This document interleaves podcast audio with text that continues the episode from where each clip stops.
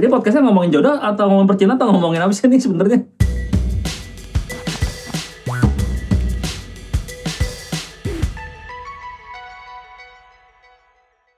Gue merasakan pandemi dan harus mengakali banyak hal lah sebagai seorang penyiar. Karena mungkin ya radio mungkin banyak orang yang melihatnya masih industri yang konvensional gitu ya. Gimana caranya beradaptasi. Nah gimana juga dengan Adit. Gimana caranya dia bisa survive dan terus berkarya mau lagi di mana pun. Setahu gue dia tuh banyak ngambil job-job yang seru. Kayak misalkan bikin uh, radio play atau sandiwara radio. Jadi tamu di podcast orang juga. Dan sering ditunjuk sebagai MC live secara virtual. Jadi obrolan gue sama Adit kayaknya bakal seru nih. Karena sedikit banyak dia bisa menyuarakan juga kegelisahan gue sebagai orang yang biasa dagang suara.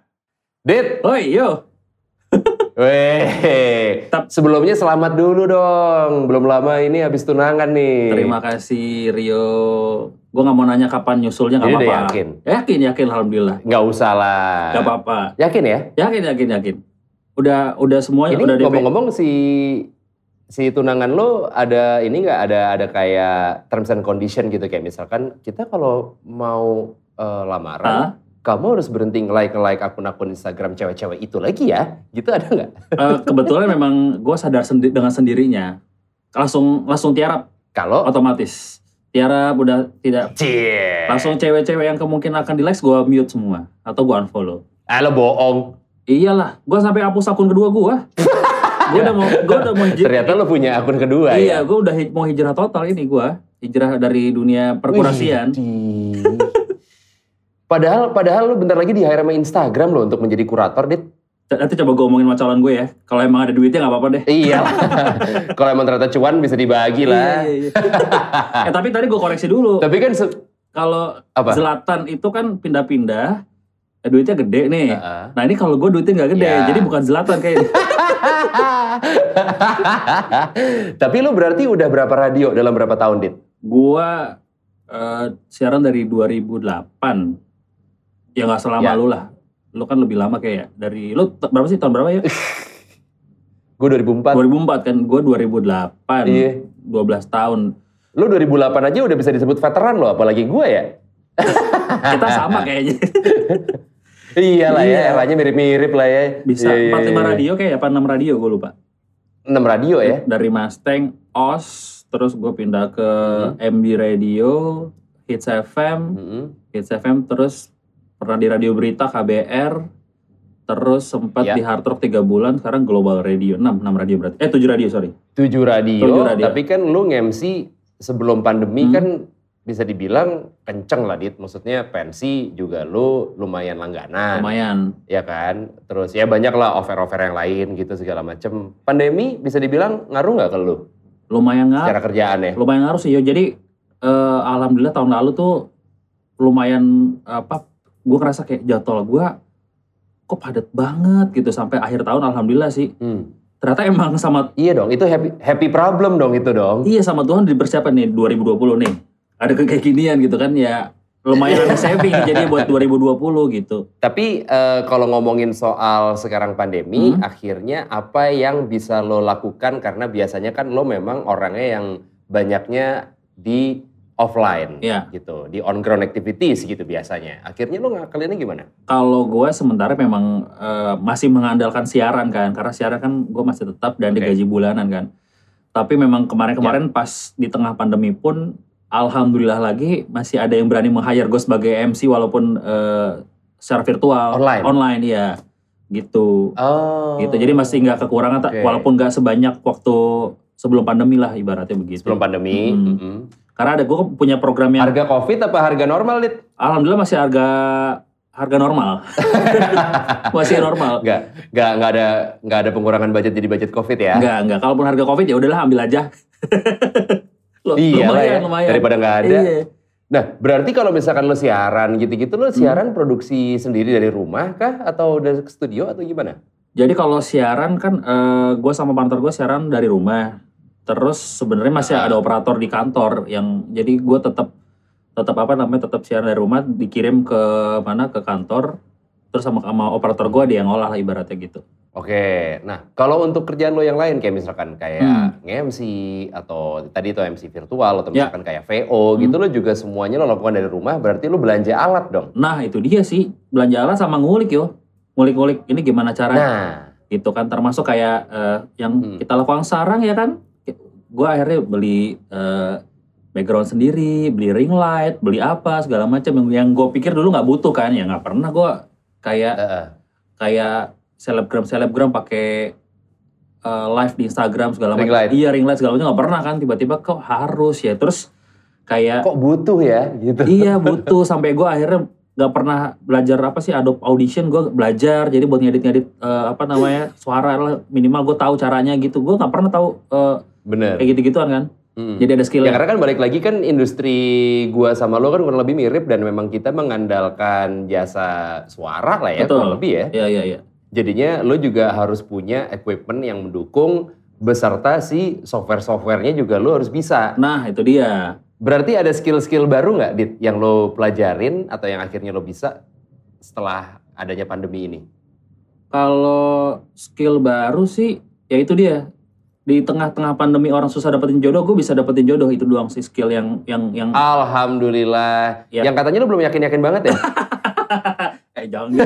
biasanya calon mertua gue suka dengerin dia suka mantau gue iya Ini calon ber- eh, calon menantu gue ngapain sih Iya, sehari-hari? ntar langsung. Mantau dia ya. Iya tuh deh tuh katanya belum yakin deh suka gitu ntar gue diadu-aduin sama anak kayak gitu jangan. Tapi balik lagi tuh? Dit, ngomongin perspektif si calon mertua lo Ah. yang mungkin mikirnya anjing ini calon menantu gue tuh kerjanya ngapain sih? Kalau misalkan pergi pamitnya kerja, bajunya juga setelan kayak main. Kerjanya juga bisa dibilang kayak apa ya, serabutan lah ya gitu. Gua sama lo kayaknya bisa dibilang kerja serabutan lah. Berarti kan ada apa ya, kayak unsur kreativitas yang harus lo gali terus, yang harus lo digging terus. Nah, ini kan pandemi kan lo banyak keterbatasan nih. Hmm. Lo ngakalinnya gimana, Dit? Kalau dari sisi kreativitas gitu. Maksud gua kalau ngomongin soal MC, Ah. MC eh, SDM-nya banyak dong. Ya. Nah. penyiar juga banyak gitu, talent VO banyak. Nah, lu ngakalinnya gimana? Nah kalau tadi sebenarnya kalau ngomongin eh, berhubungan sama calon mertua pas ngelamar repot gue udah bilang gue pekerjaan gue utamanya adalah penyiar jadi gue sangat percaya diri kalau gue Hmm. punya pekerjaan dan bisa ngidupin eh, ibaratnya eh, anaknya si om dan tante inilah gitu ya Tunangan lo. tunangan gue gitu Hmm. Nah kalau misalkan kreativitas Ya. ya tadi gue gue coba eh, belajar belajar ngulik-ngulik eh, bagaimana cara gue tadi kan paling males banget ya bikin konten kayak waktu sebenarnya equipment sebelum pandemi itu gue udah udah punya kayak mikrofon gue udah punya sendiri terus yang intinya kayak buat podcast udah punya sendiri tapi nggak pernah gue mulai gitu Oke. sampai kemarin sempet eh, iseng-iseng bikin podcast ya walaupun gak rame cuman gue iseng oh pengen tahu oh bikin podcast ternyata begini sistemnya oh Hmm. begini ngeditnya jadi memang kreativitasnya di adjustnya lewat mengulik gue cari cari tahu gimana caranya bikin ini bikin apa segala macam sampai gue kemarin-kemarin tuh les desain Oh gitu online. online virtual gitu walaupun sampai sekarang hasilnya nggak ada ya karena di, di tugas tugas akhir gue nggak ngumpulin Atau hasilnya sih ada tapi jelek. iya itu dia. Tapi kebetulan ketemu jodohnya, alhamdulillah eh, tunangan gue ini adalah lulusan DKV, jadi kita belajar sama dia aja, biar gampang. Oh, emang diaturnya gitu saling melengkapi. iya begitu. Ini podcastnya ngomongin jodoh atau ngomongin percintaan atau ngomongin apa sih nih sebenarnya? bisa banyak karena banyak yang bisa dikulik dari lu nih sebetulnya. Kayak gini deh. Contohnya, Ah. lu kan orang yang sangat sering berkolaborasi. Hmm, Kayak misalkan waktu Ramadan lo ada kolaborasi sama Makna, hmm, ya kan? hmm, Atau misalkan kayak lo sering tadi tuh menjadi host MC virtual di Instagram Live atau mungkin di platform lain juga yang Hmm, live hmm, gitu. Kayak lo juga apa ada sandiwara sama Ruru waktu itu kan ya, Ya, kalau nggak salah ya ya sama Ru Radio. pas Ramadan. Ya. Heeh. Lu tuh sebetulnya kalau dari segi kolaborasi Hmm, mengkurasinya gimana sih? Gue yakin kan dengan lo banyak berkolaborasi sama pihak-pihak yang mungkin jatuhnya masih temen, Ya. pasti kan ada banyak orang yang ngajakin lo juga. hmm. Lo mengkurasinya gimana? Sebenarnya kalau konsepnya udah jelas, terus menarik, Hmm. kayak kemarin sama Makna kan Hmm. awal kalau makna itu sebenarnya tadinya mau talk show seperti biasa direkam di eh, video, taruh di YouTube sama di podcast kan. Cuman Iya. tiba-tiba PSBB dan benar-benar nggak boleh ketemu sama sekali, nggak boleh masuk kantor. Akhirnya eh Iyas, Iyas Lawrence bikin konsep Mhm. kelas virtual gitu kan. Terus akhirnya kita brainstorming, eh ya Iyas sudah menulis ceritanya segala macam. Karena dia kewalahan dan tidak mungkin tidak percaya diri, akhirnya gue coba cari teman gue yang memang bisa nulis cerita. Ya udah, Hmm. ya paling eh, Oke. gue ngerasa ini, ini bisa di, bisa dikembangin dan seru gitu kan maksudnya bisa bisa jadi sesuatu yang yang baru di tengah pandemi gitu kan kayak bikin bikin cerita kayak gitu terus jadi sebenarnya sebelum kita take kan kita ada reading ada reading eh, Ya.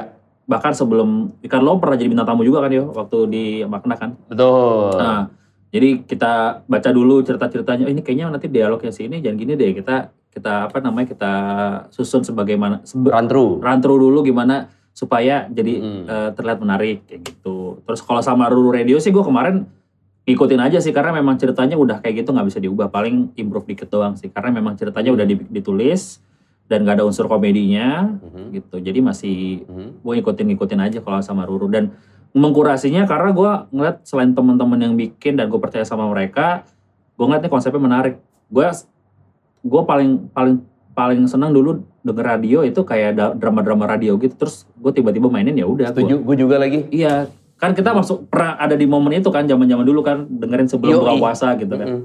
kayak gitu Iya. Radio play itu menurut gue menarik banget. betul dan sekarang Nah, ngomongin soal radio kan? play nih, Dit, ya. Ah. Nah, gitu. Maksud gue ngomongin soal radio play, di mana tadi lu juga mention kalau kita memang tumbuh dengan era radio play, kayak misalkan dulu radio, bahkan yang lebih old school lagi, kayak suara kejayaan. hmm, Itu kan memang sifatnya radio play ya, lo ada situasinya, Ya. ada yang berperan jadi apa, ini itu segala macam, lo jadi bisa membayangkan gitu. Nah, hmm. menurut lo nih, dengan sekarang zamannya eh, audiovisual itu sangat amat gampang untuk lo akses, apakah sandiwara radio masih seksi untuk pendengar atau untuk untuk ya untuk viewers gitu?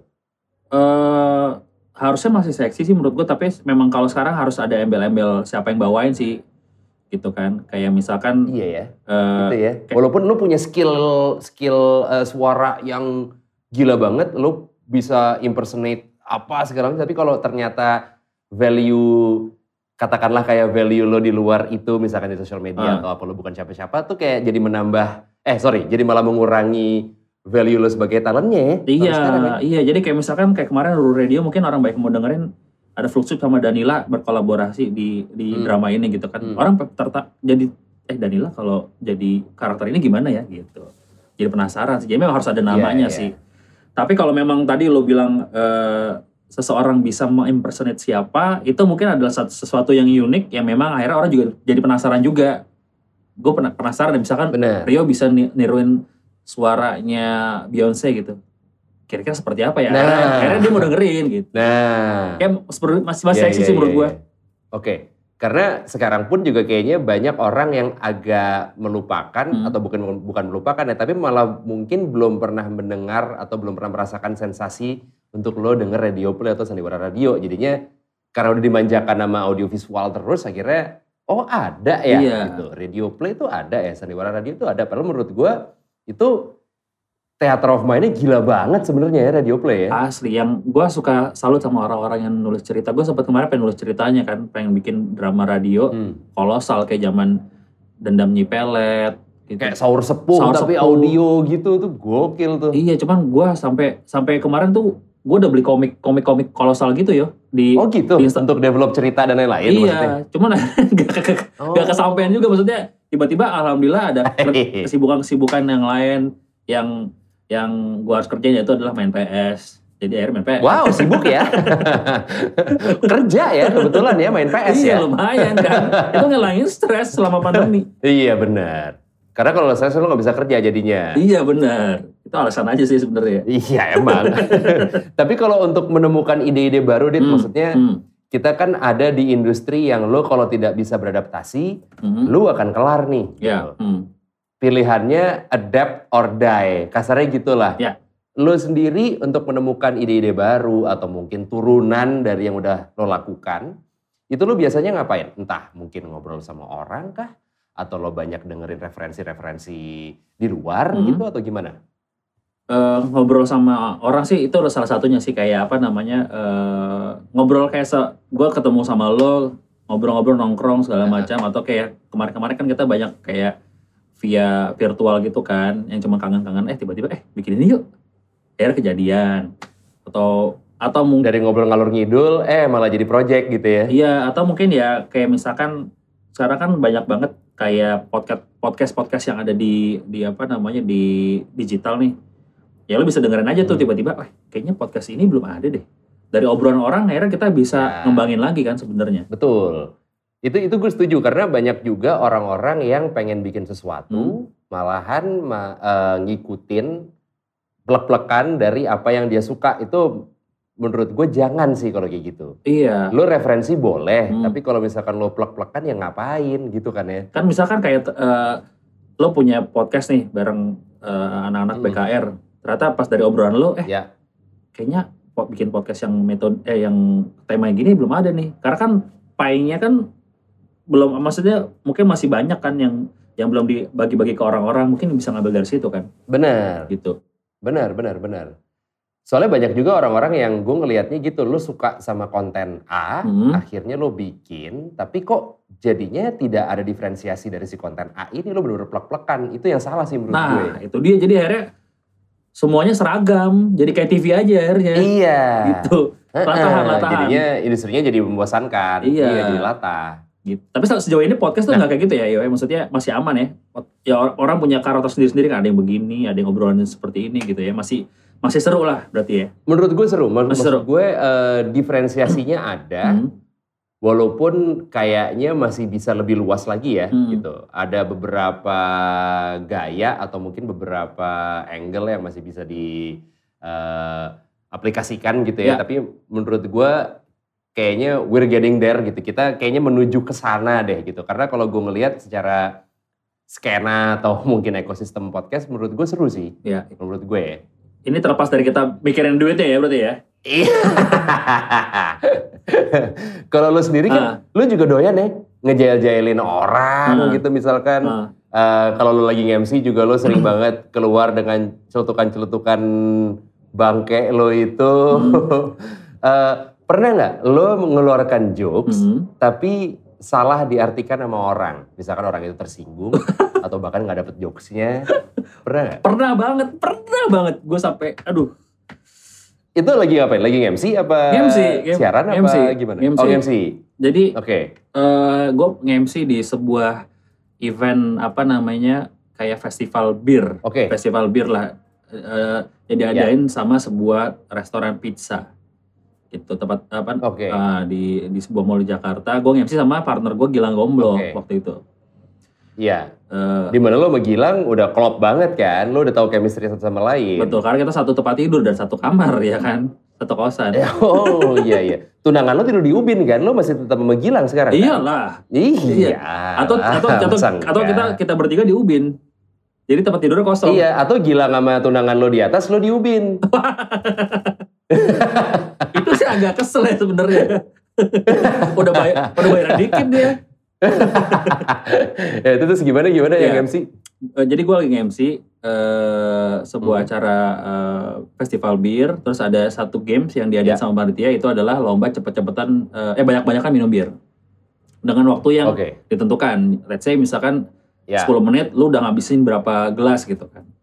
Oke. Terus gue panggil pesertanya kan, memang sudah udah didaftarin, Ya. gue panggil panggilin. Ya, misalkan siapa Rio, siapa terus eh, Bobby segala macam. Ada Hmm. satu orang, eh, siapalah gitu. Gue panggil, gue kan nggak ngeh kan, gue ngeliat di cue card, terus gue liat ke depan, gue pikir emang tadi secara potongan kayak cowok, gitu kan. Loh, gue pikir cowok, Oh, Oke. ternyata cewek gitu kan. Oke, itu dimasuk, Eh. itu dimasukin poin eh, yang di, di- dilaporkan dia di Instagram. Udah nih. Oh yang bener lo. Oh iya, terus udah nih ceritanya ceritanya udah udah ikutan main kan. Oke, minum minum minum. Gue ngecek, gue Oke. kalau kalau MC kan pasti ngecek ngecekin pesertanya kan. Pesertanya semua gue cengin Hmm. nggak cuman nggak cuman si yang si cewek ini. Nah di saat yang Hmm. bersamaan si Gomblo juga ngecengin pas banget ngecengin yang cewek ini gitu. Jangan banyak Oke. minum. Entah kalau kebanyakan minum mabok pulangnya dibungkus loh gitu.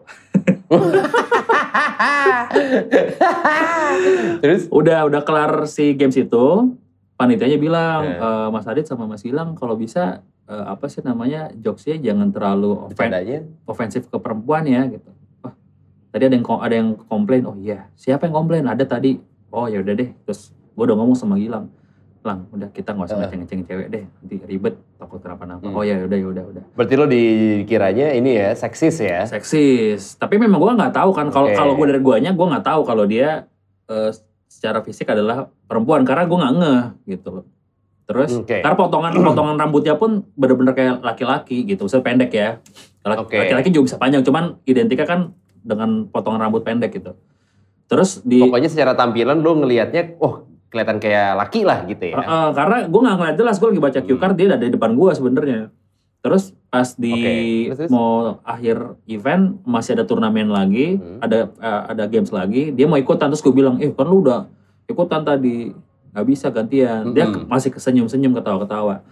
Terus itu Oh aja dia quiz hunter juga ternyata ya? lumayan gue gue sadar tuh kan cuma pengen minum gratis kali ya, gue nggak tahu kan lumayan. Oh iya benar-benar. Terus eh acara dua hari itu hari pertama hari keduanya gue baru bangun tidur gue buka Instagram gue rame banget tiba-tiba nama gue sama Gilang ada di eh, sebuah akun feminis waduh, waduh, waduh, waduh. ternyata yang gue cekin itu dia aktivis Apa? feminis Ah iya, aduh, aduh, aduh.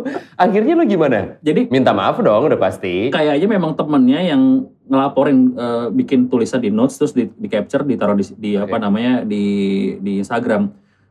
gue lagi datang ke sebuah event bla bla bla bla bla disebutnya gue body shaming karena eh, ngatain dia laki-laki kan gue nggak tahu kan. Terus Iya, oke. ya memang keberatannya eh, itu katanya rap rap eh, rap jokes yang masalah dibungkus-bungkus Oke. itu. Terus dibilang Ya. ya gue ada muak nih sama si MC-nya makanya pas itu gue langsung pulang lah perasaan kayaknya masih ada di akhir acara deh gitu Sampai selesai kayaknya. iya terus akhirnya gue dilihat wah DM gue parah sih sampai itu hampir kayak sebulan Oke. masih ada tuh yang yang yang apa namanya yang yang ngata-ngatain gue yang yang nyetir segala macam terus gue udah minta maaf terus emang gue ada kayak kesalahan gitu kesalahan dalam artian eh, orangnya eh, yang mana yang salah yang yang yang apa namanya yang Ya. punya masalah sama gue mana gitu kan. Kita ngobrol terus salah lagi kayak ya lu carilah segala macam bla bla bla. Pokoknya kalau udah netizen kan lo tau sendiri kan. Yoi, asli. tapi untung ada satu kayak pentolannya si salah satu feminis juga kayaknya masih masih asik diajak ngobrol. Gue ngobrol sama lewat DM akhirnya. Gue minta maaf sebenarnya gue nggak tahu Oke. yang lo maksud rap jokes seperti apa. Gue berharapnya kalau emang gue salah kita ngobrol dulu kalau ternyata reaksi gue terhadap komplain lo ofensif ke lo itu mungkin boleh lo di- lo boleh ceritain di Instagram. Kan gue nggak tahu. Nggak semua orang tahu apa yang lo Hmm. maksud gitu kan. Maksudnya kalau sama-sama punya sesu- sesuatu atau gerakan yang yang menurut orang ya lo lo perjuangin lo kasih tau gue kan gue nggak tahu gitu per- perjuangan seperti apa gitu Iya. gitu. Ya udah. Oke. lumayan agak dari situ gue lumayan hati-hati tuh gue kalau sekarang Akhirnya beres dalam berapa lama tuh di masalah itu waktu itu? orangnya sebenarnya orang yang bersangkutan tuh tem teman-teman gue terus gue gua minta kontaknya Hmm. dia nggak bersedia dihubungin gue DM nggak dibalas-balas bahkan Hmm. kayaknya gue diblok sama dia Oh, Oke. terus jadi nggak ada kata-kata akhirnya gue minta apa namanya gue minta maaf tuh dimaafin sama dia juga nggak ada udah bener-bener ya udah Udah akhirnya hilang aja gitu ya. hilang aja cuman lumayan lumayan efeknya panjang juga sampai eh, efeknya dalam artian kayak gue masih dikata-katain sama orang-orang yang baca akun tersebut hampir sebulanan sih gitu cuman akhirnya gue lumayan. iya tapi gue eh, apa sih namanya gue kan Instagram ada fitur ini kan fitur yang bisa filter komen-komen gitu kan akhirnya kata-kata Iya, yang betul. segala macam udah gue iniin aja jadi ya udahlah gitu Oke. Nah, kalau dari gaya nge-MC lo Hmm. atau mungkin gaya lo eh, siaran Hmm. atau mungkin eh, gaya lo misalkan jadi host gitu Hmm. ya. Ada nggak job paling aneh yang lo dapet dari kelakuan lo yang gitu yang suka nyeletuk-nyeletuk atau apa gitu tiba-tiba lo ditawarin job apa gitu yang aneh ada nggak? job yang aneh ya job yang aneh Ada sih nggak? ada sih cuman gue paling sebel sama stereotype yang nggak nyambung Nah, maksudnya? misalkan gue kan penyiar nih penyiar dan MC. Heeh. Waktu itu gue pernah stripping kan. Pernah stripping sinetron di tahun 2017. Terus kan gue baca, Oh iya, sitkom ya kalau nggak salah ya? bukan sitcom, si- sinetron, sinetron tapi karakter gue Oke, sinetron. jadi jadi apa? Jadi tokoh yang yang yang yang annoying gitulah pokoknya. Ya Hmm. maksudnya kan lawannya Dikta, Dikta Yovinuno ya nggak mungkin gue kayak dia nggak mungkin lah ya. Ya, mungkin 11-12 sih kebetulan ya. Eh, asisten sutradara, sutradaranya bilang kayak, eh ya ntar lu pokoknya improve aja. Eh, apa namanya improve aja Hmm. kayak eh, jokes-jokes yang itu yang ada di skrip nggak usah lo ikutin segala macam. Kan lo penyiar nih, Hmm. bisa lah kayak gitu-gitu lah. Gue bilang apa hubungannya? Oke. Kayak- Oh. Yang kayak gitu-gitu loh kayaknya apa hubungannya? Iya iya iya. Penyiar, lo kira gue gue bukan pelawak kali kalau penyiar tuh juga nggak bisa yang seimprov lawakan yang kayak lo harapkan gitu ya ibaratnya. Iya, mereka berpikir kalau penyiar itu pasti bisa ngelawak, kan gak juga ya? Ya pasti lucu. Iya. Iya. Iya itu itu itu gue setuju sih. Iya. Tapi karena gini juga dit, maksud gue eh, banyak Hmm. sekarang Hmm. eh, radio-radio Hmm. yang mencari kriteria penyiar Hmm. itu yang harus lucu. Oh iya, biar biar Iya nggak sih? Maksudnya ya apa ya? Oke mungkin lucu. Eh, Oke penyiar mungkin emang harusnya menghibur gitu. Mm-mm. Tapi kan hiburan itu nggak selamanya cuma komedi aja. Gue mikirnya. ya, Iya dong. ya, ya, ya. Maksudnya kalau misalkan film lah, lo lo nonton film kan ada film yang action, Hmm. ada yang uh, horor, Hmm. ada yang apa, ada yang komedi. Itu semuanya sebetulnya menghibur dong. Ya, gitu. Jadi ya. gue mikirnya penyiar harus menghibur iya, Ah. tapi penyiar harus lucu kok. Hmm, enggak sih kalau gue mikirnya gitu. Lo lo sendiri lihatnya gimana? Gue ini mungkin ya kalau gue ngerasa kayak industri komedi kita tuh lagi naik kan, maksudnya semenjak ada Nah, stand up komedi gitu kan, betul. muncul Ya. ya orang-orang yang lucu lah segala macam atau enggak mungkin dari efek sosial media kan ada juga tuh orang-orang yang bukan memang bukan komika tapi karena dia tiba-tiba muncul di TikTok lah atau di Instagram bikin video yang lucu-lucu jadi jadi orang-orang tuh Ya. akhirnya jadi ngerasa semua orang bisa ngelucu gitu ya kan padahal kan nggak juga ya Hmm, maksudnya enggak juga. gue dari dulu tuh gue ingat banget dulu Ernest Prakasa tuh pernah ngajakin gue pernah ngajakin gue stand up komedi awal-awal Oke. Dit ikutan stand up Nah, komedi yuk. Eh, apaan tuh nih? Ya stand up komedi kayak kayak Taufik Safalas gitu almarhum segala macam kayak gitu-gitu kan. Heeh. Ah gue nggak bisa nih, gue bukan komedian, gue nggak bisa ngelucu. Ya nggak perlu, lu nggak perlu ngelucu, lu pokoknya gini gini gini. Tapi belakangnya udah ada komedinya gitu kan, gue bilang. Tapi kan, Makanya. tapi apa yang lo lakuin sama Surya di MTV Insomnia itu udah kayak stand up komedi kata dia gitu. Udah kayak stand up comedian gitu. Iya, tapi gue ngomong apa adanya, nggak gue pikirin efeknya tiba-tiba gue ngomong nyelotokin lucu ya udah gitu. Gue nggak pernah mau mikirin Mm-mm. nanti mau gimana, mau gimana gitu. Jadi biar nggak ada pressure menurut gue gitu kan.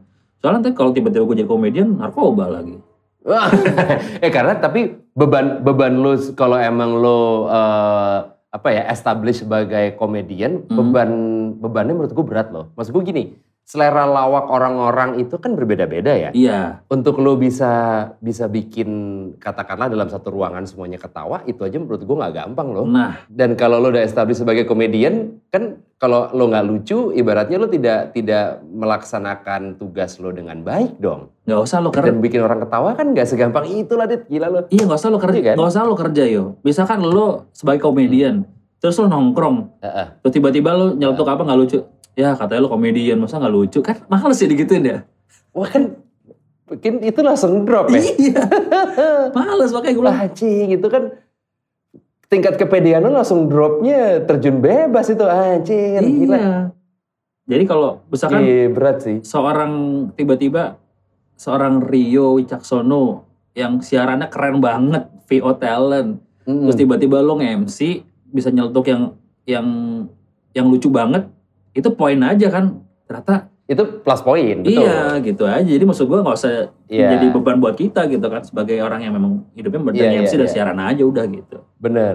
Nah, siaran sama MC, Hmm. siarannya on air, MC-nya off air. Ah. Lu lebih pilih mana? Dunia pekerjaan on air atau off air? On air apa off air ya? Duh susah nih. ya. Karena kan kayaknya lo emang dua-duanya lo lo jalaninnya barengan. Maksudnya lo kayaknya emang nggak ada pilih kasih gitu antara dua-duanya kan. Siaran lo jalan, tapi lo nge-MC juga konsisten, lo sering, segala macem. Nah kalau disuruh milih, lo akan pilih yang mana? Gini, karena gue dari dulu selalu menerapkan kalau siaran itu main job gue. Main income gue Hmm. dari luar siaran. Gitu. Oke. Walaupun sebenarnya kalau sekarang sih, itu kan zaman dulu ya. Kalau sekarang, oh kalau gue siaran aja masih bisa menghidupi kok gitu, ibaratnya gitu kan. Ya, Tapi kalau disuruh pilih siaran sama nge-MC ya, siaran sih gue. siaran ya? Gue pengen kaya dari radio. Wih, sedap. Maksud gue sampai nggak Tapi kan, nggak usah jadi penyiar lah, biasa jadi bosen ntar udah-udahnya pensiunnya pengen pengen tetap hidup di radio gue. oke. Oh karena berarti emang secara dunianya lo lebih seneng dunia radio dibandingin dunia MC atau presenter? Iya, walaupun sebenarnya Oke. dua pekerjaan ini adalah dua pekerjaan yang tidak gue harapkan dulunya sebenarnya. Itu. Lu cita-citanya jadi apa sih, Dit, dulunya? Lu pada saat kuliah gitu, lu pada saat lulus nanti lu membayangkan jadi apa sih sebenarnya? Gue nggak pernah punya cita-cita, cuman kayak random dulu gue pernah pengen jadi promotor gara-gara gue ngeliat bukunya Adri Subono. Ter Oke, ter- tiba-tiba datengin Metallica, bisa dat- Metallica datang ke rumahnya gitu kan, anjing gue juga pengen gitu ya. Iya Dave Grohl pernah ke kamarnya dia gimana ceritanya gimana nggak seneng coy. Iya. Ter- benar, benar, benar, benar. Terus eh dulu gue pernah ngelamar di Trax FM sebagai produser. Gue nggak pernah kepikiran jadi ini, nggak pernah kepikiran jadi orang depan layar. Penyiar? Heeh. Oh. Walaupun gue dulu sama Surya kan kalau satu kampus kan berangkat bareng, gue selalu ngelawatin Iya. radio di Durian Sawit yang pernah gue kerja, kerja di sana juga MD Radio. Yang sekarang jadi Hot FM. Hmm. Satu saat kita bakal kerja di sini nih, kata Surya gitu kan. Wih. Terus kayak akhirnya Suryanya nggak kesampaian, gue yang kesampaian. Tapi kayak gue nggak kepikiran jadi penyiar, tetap gue lebih suka waktu Trax FM eh, buka lowongan jadi produser ya udah gue ngelamar jadi produser aja walaupun nggak keterima kan. Ngincernya produser malahan ya? Iya karena emang gue dari dulu suka di belakang layar dan di depan layar itu kecelakaan Berarti, aja. berarti ya mindset lo eh, langsung berubah pada saat ada si acara eh, TV itu di mana namanya masih lo pakai sampai sekarang, yaitu si Insomnia. Dari situ akhirnya lo mikir kalau oh ternyata gue bisa deh gitu. Sebelumnya udah sih, jadi sebelumnya gue sama Surya itu kan dulunya kayak event consultant gitu kan. Kasarnya broker ya, Oke. broker pensi. Lo nyari apa, Oh, lo butuh apa? Gini, ini lo pengadaan nih, berarti pengadaan. pengadaan. Sampai satu saat eh, Ah. klien kita nih yang kita kerjain pensinya eh, butuh Hmm. eh, sound system sama alat DJ sama lighting buat prom night. Udah gue provide kan. Oke. Terus tiba-tiba dia nanya, eh Dit, gue butuh MC juga nih. Butuh MC, oke. Budget lu berapa? Sekian. Emang tadi mau siapa? Tadi Patra. Patra. Patra Gumala Gen FM ya, Iya, punya eh. podcast juga. Eh. Terus eh budgetnya berapa emang? Ya Patra budget satu setengah juta. Ya. Terus budget lu berapa? Cuma 800. Udah 800. Tahun berapa tuh anjing? gue lupa tahun berapa terus kayak budget lu ber- Iya. berapa kayak ya nggak lebih dari sejuta lah paling 800 udah lu bisa dapat mau gue sama Surya emang lu bisa MC bisa padahal gue nggak bisa MC Bisa. BU Iya iya iya iya, tapi akhirnya dari situ malahan ya. iya dari situ akhirnya rasa kok kayaknya MC oke juga nih gitu asal dulu berdua ya hmm. berdua sama Surya untuk ngasahnya kan karena belum biasa kan MC sendiri gitu kan depan orang banyak gitu Oke. Iya iya iya. Berarti kan lo kalau dari dari siaran itu 2008 Mm-mm. eh, nge-MC bahkan sebelumnya berarti kan. Ya.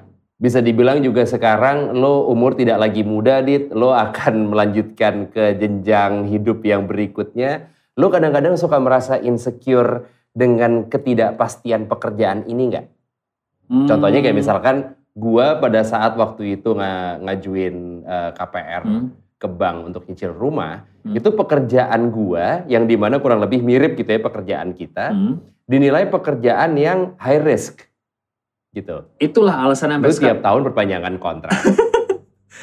Iya kan? Kalau misalkan tiba-tiba tahun depan kontrak lo, kontrak lo nggak diperpanjang, ya apa lo free agent slash pengangguran dong.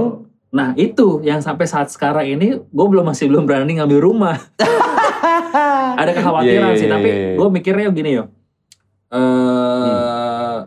apa ya kayak rezeki itu kan selagi kita berusaha sih kan apa namanya udah ada yang ngatur kan. Semoga sih ada-ada aja ya. Ada aja gitu ya kan. Gue percaya banget dulu. Nah, Gue pernah waktu gue di MD Radio akhirnya collapse, maksudnya bangkrut itu pas bulan puasa yo.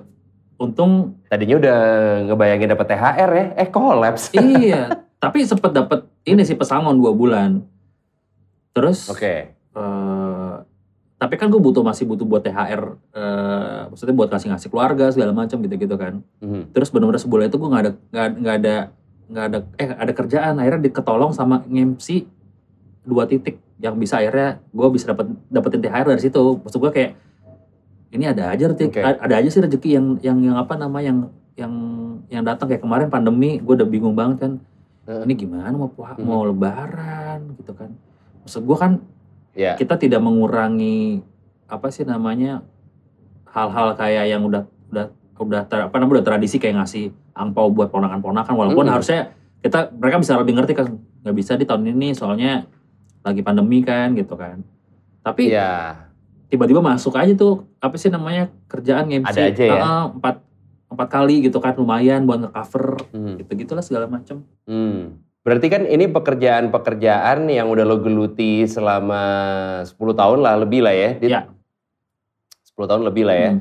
Dan sekarang kan pekerjaan yang kita geluti ini gue ya waktu itu sih gue nggak kebayang kalau mau lagi di mana pun gue bisa melakukan pekerjaan ini gitu. Hmm. Entah itu siaran Hmm. atau mungkin VO. Gue pernah revisi VO dari parkiran Kemang Village karena gue bawa alatnya yang handy recorder segala macam. Terus sekarang juga eh, podcast lagi naik dan sebetulnya juga podcast lo ya mau lagi di mana pun lo bisa ngerekam podcast gitu. Entah Betul. lagi di studio, lagi Ya. di rumah, lagi di mana pun lah. Bahkan kayak si Adriano Adriano Colby itu bapak podcast Nusantara pernah ngerekam podcast pada saat dia lagi nyetir. Iya, gue pernah denger itu kayak, ini orang gila kali ya.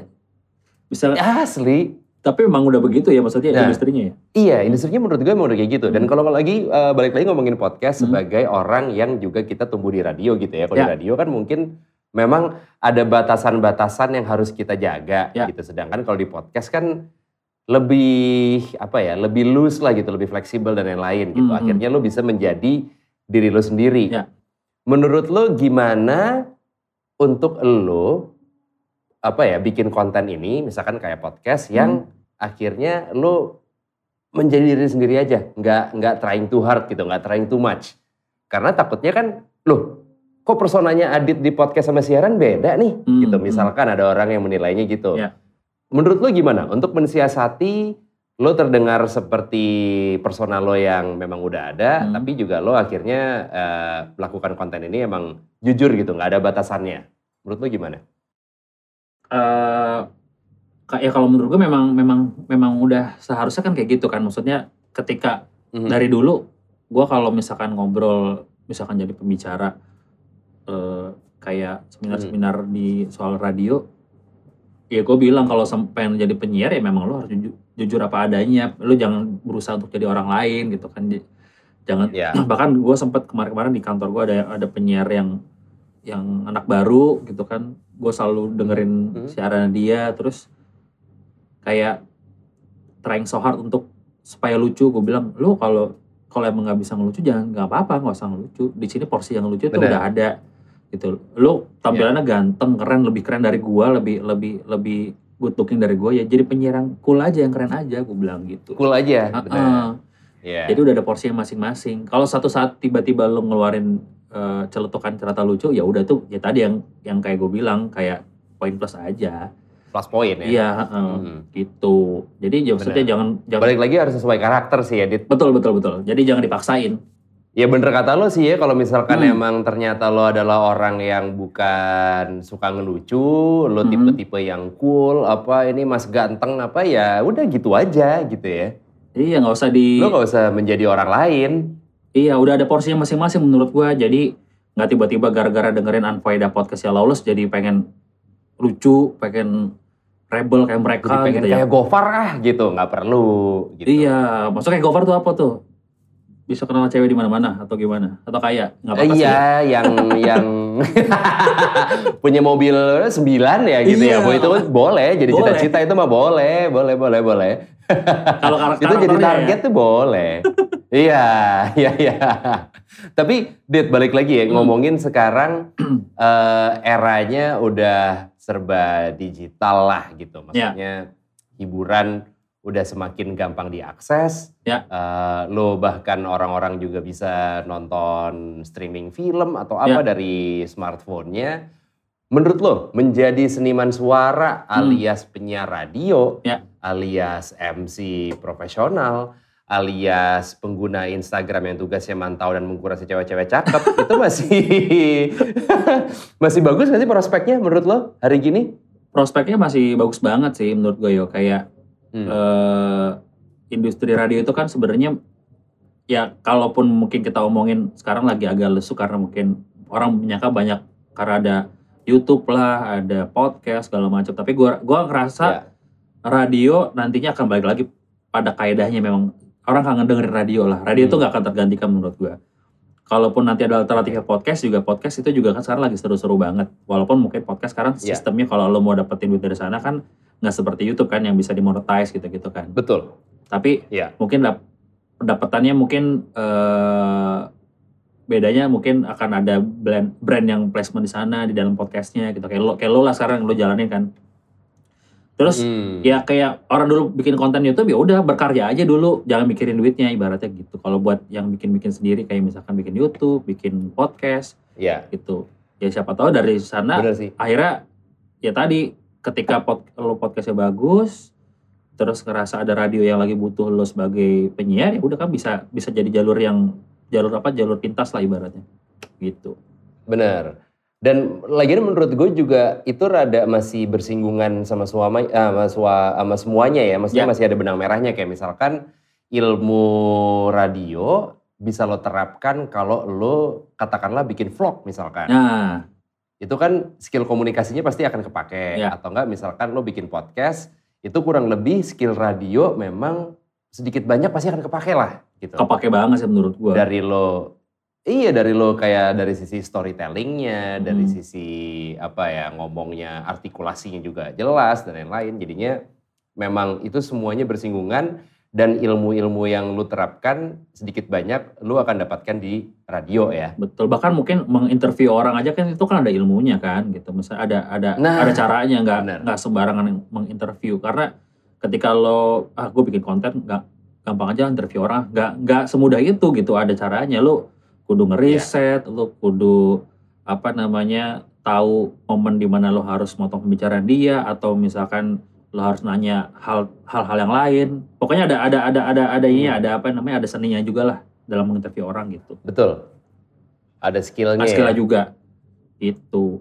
Terakhir nih Dit. Ah. Apa yang bisa lo bagi ke orang yang emang berminat untuk menjalani profesi seperti lu? Eh gue percaya ham- hampir semua profesi yang ada di dunia yang kita jalanin nih, misalkan dunia kita bisa bilang Hmm. dunia entertainment lah ibaratnya gitu ya. Secara Ya. luasnya Mm-mm. eh, Mm-mm. dunia penyiaran, dunia broadcasting, networking Ya. penting sih networking sama setuju attitude udah itu sih menurut gue nah itu penting gitu. penting Kalau skill lu bisa latih lah ya. skill bisa dilatih cuma kalau lo udah jago udah keren tapi attitude lo nggak ada ya susah juga atau enggak lo punya Sama aja bohong. Iya. Iya, tapi lu gak punya networking, lo introvert banget anaknya ya kan gak juga. Susah juga nanti nyari, Nggak nyari peluang. Iya. Karena gua sama Sur, Benar, Sur- benar. gua sama Surya itu jadi penyiar. Gue tadi ya ngerjain event. eh Heeh. Jadi gue dulu sempet kerja di labelnya Solja. Terus gua Oke. gua ngerjain eventnya juga, gua nge-MC juga, gua masang backdrop juga segala macem. Sampai akhirnya eh Solja yang dulu itu ngeliat gua sama Surya. Kayak lo oke dah buat jadi penyiar besok itu deh apa namanya?